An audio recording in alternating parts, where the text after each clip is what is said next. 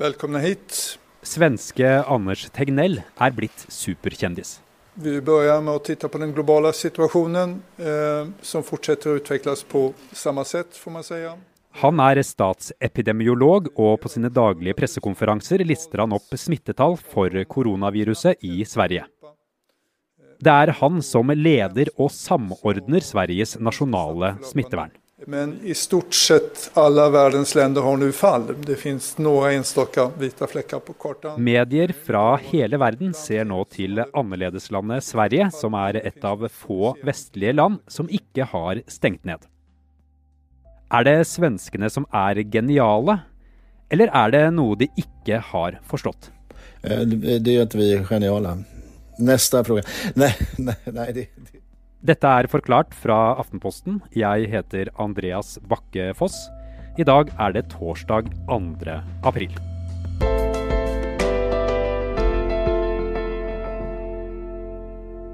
Kollega Ingeborg Mo er utenriksjournalist, og et av landene hun har ansvar for å dekke, er Sverige.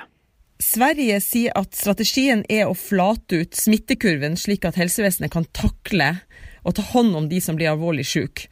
Så målet med tiltakene i Sverige det er de samme som i resten av verden. Men de har altså valgt andre midler. Men Norge og Danmark og også Finland har jo alle stengt grensene, barnehagene og skolene, Ingeborg. Men eh, sånn er det ikke i Sverige. Hva er det som skjer?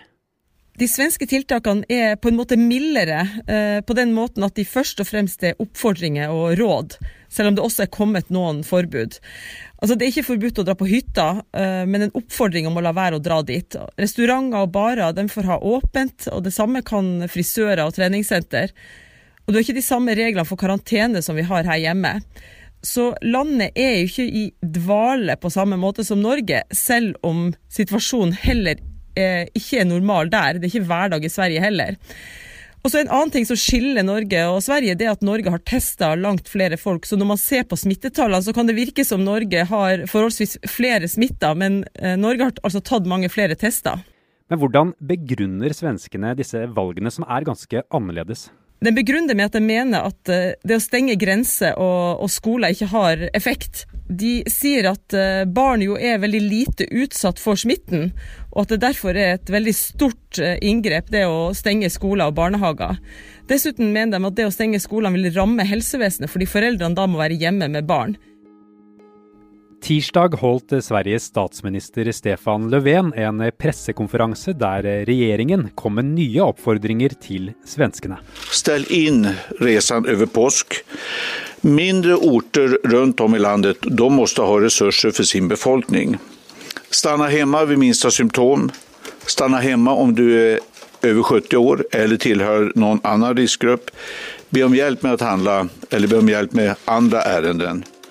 Så sa han hva som er det fineste svenskene nå kan gjøre for landet sitt. Det er vi alle enskilde individer som gjennom samfunnsansvar at vi begrenser våre sosiale kontakter og skydder oss selv, så avlaster man også vården og tar ansvar.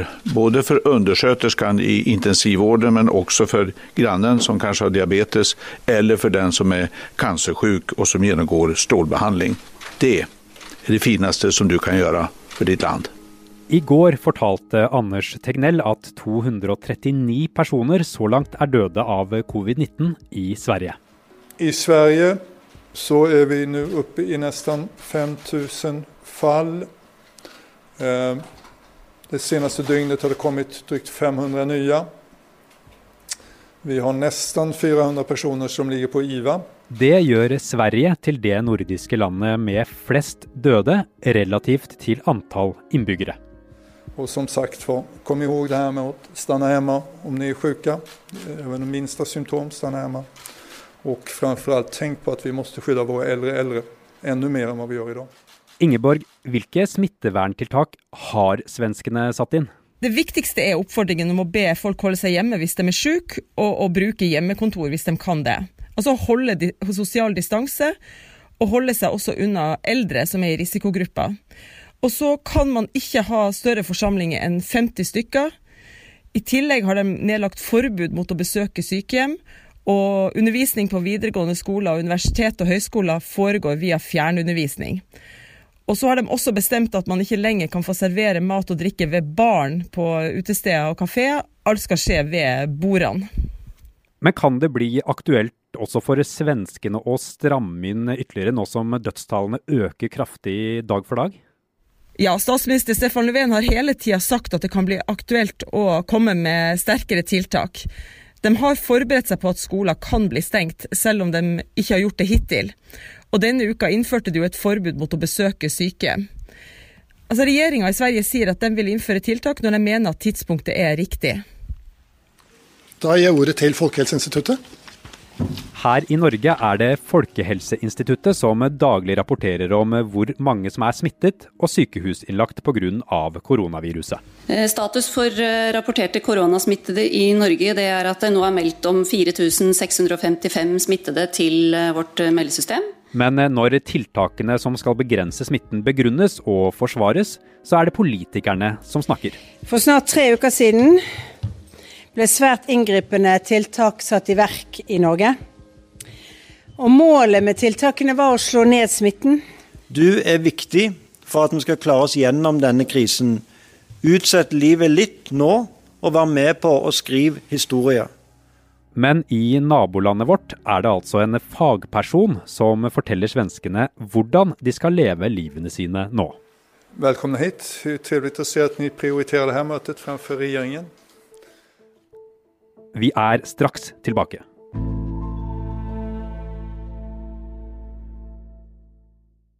De siste ukene har statsepidemiolog Anders Tegnell fylt TV-skjermer rundt om i de svenske hjem. Som de ser på feriene, så er Europa fortsatt veldig mørkt.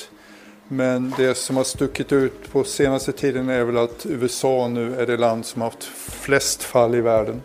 Det er han som har rollen med å forklare og forsvare de svenske smitteverntiltakene. Eller det mange mener er mangelen på dem. Han er en erfaren smittevernekspert, og han har jobba med dette feltet hele sin yrkeskarriere. I 2009 var det han som håndterte svineinfluensaen, og fronta også beslutningen om å vaksinere hele befolkningen den gangen, så han er et kjent fjes. Og nå har han altså ansvaret for å håndtere koronapandemien i Sverige.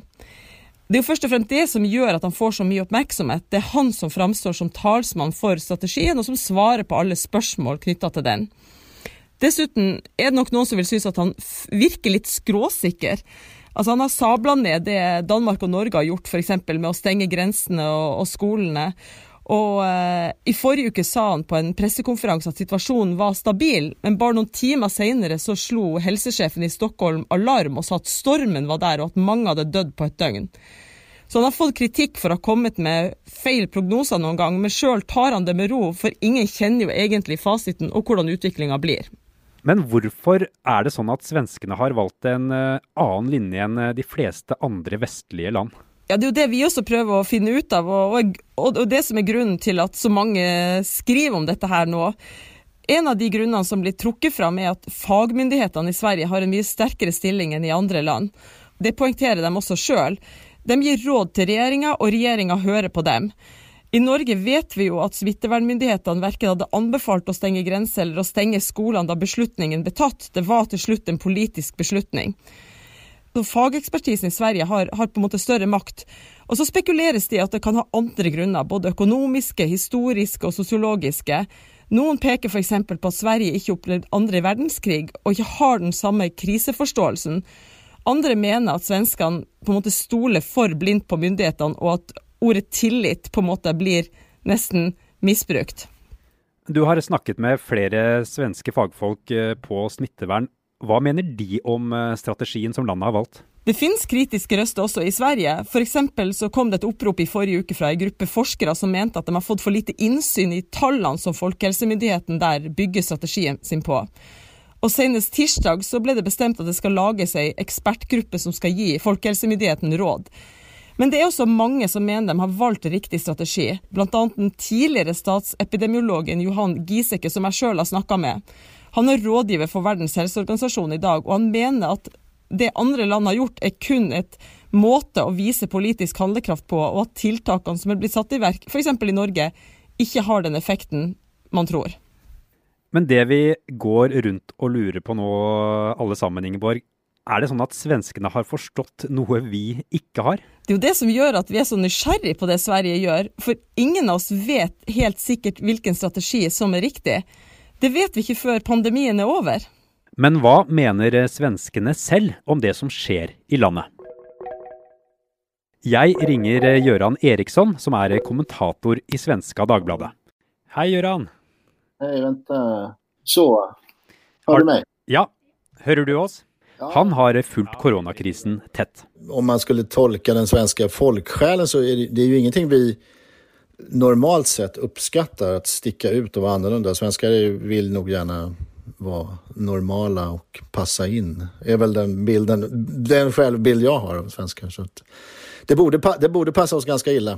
Men har svenskene selv tillit til den strategien som myndighetene har valgt? Ja, det har, det har ju mätts. Det har gjorts opinionsmätningar om detta eftersom det, det är ganska stort intresse i Sverige också kring den här frågan. Varför gör vi annorlunda? Uh, och hittills är väl ändå bilden att svenskarna har ett ganska stort förtroende för myndigheterna och, och att det, åtminstone fram till för några veckor sedan så växte förtroendet trots att det fanns kritik då mot Folkhälsomyndigheten som det heter i Sverige som, som styr mycket av de åtgärder som görs här. Uh, att eh, förtroendet, befolkningens förtroende för den myndigheten växte under den här krisen, i inledningen av den här krisen. Det, här, det är nu några, några veckor gamla de mätningarna. Men eh, så bilden hittills har varit att svenskarna ändå har ett ganska stort förtroende för myndigheterna och därmed också för den svenska linjen. Men siden dere i Sverige gjør ting annerledes nå, er det dere svensker som er geniale, eller er det noe dere ikke har forstått? Det er at vi er geniale. Selvfølgelig. Neste fråga. Nei, nei, nei, det, det, alltså det, det, är, nej, det är ju det som gjør denne frågan så intressant. Den, är, den, är, den tilldrar sig väldigt stort intresse her, här i Sverige, men også utomlands. Det märker vi, det skrivs veldig mye om det her.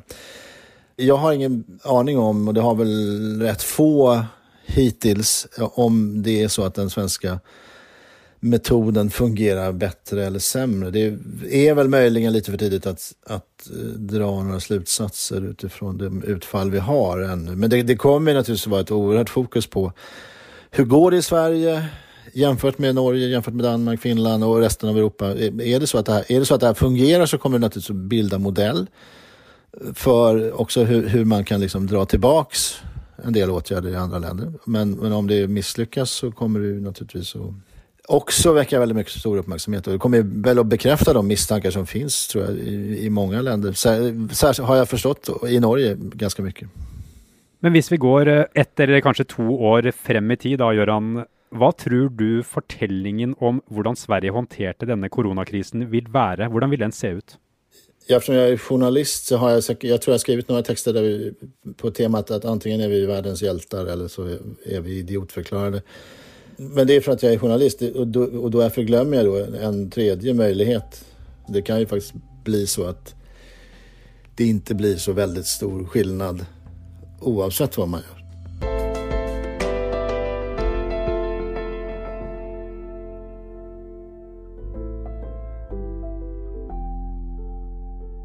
Forklart lages av Caroline Fossland, Anne Lindholm, Fride Næss Nonstad Kristoffer Rønneberg og meg, Andreas Bakke Foss.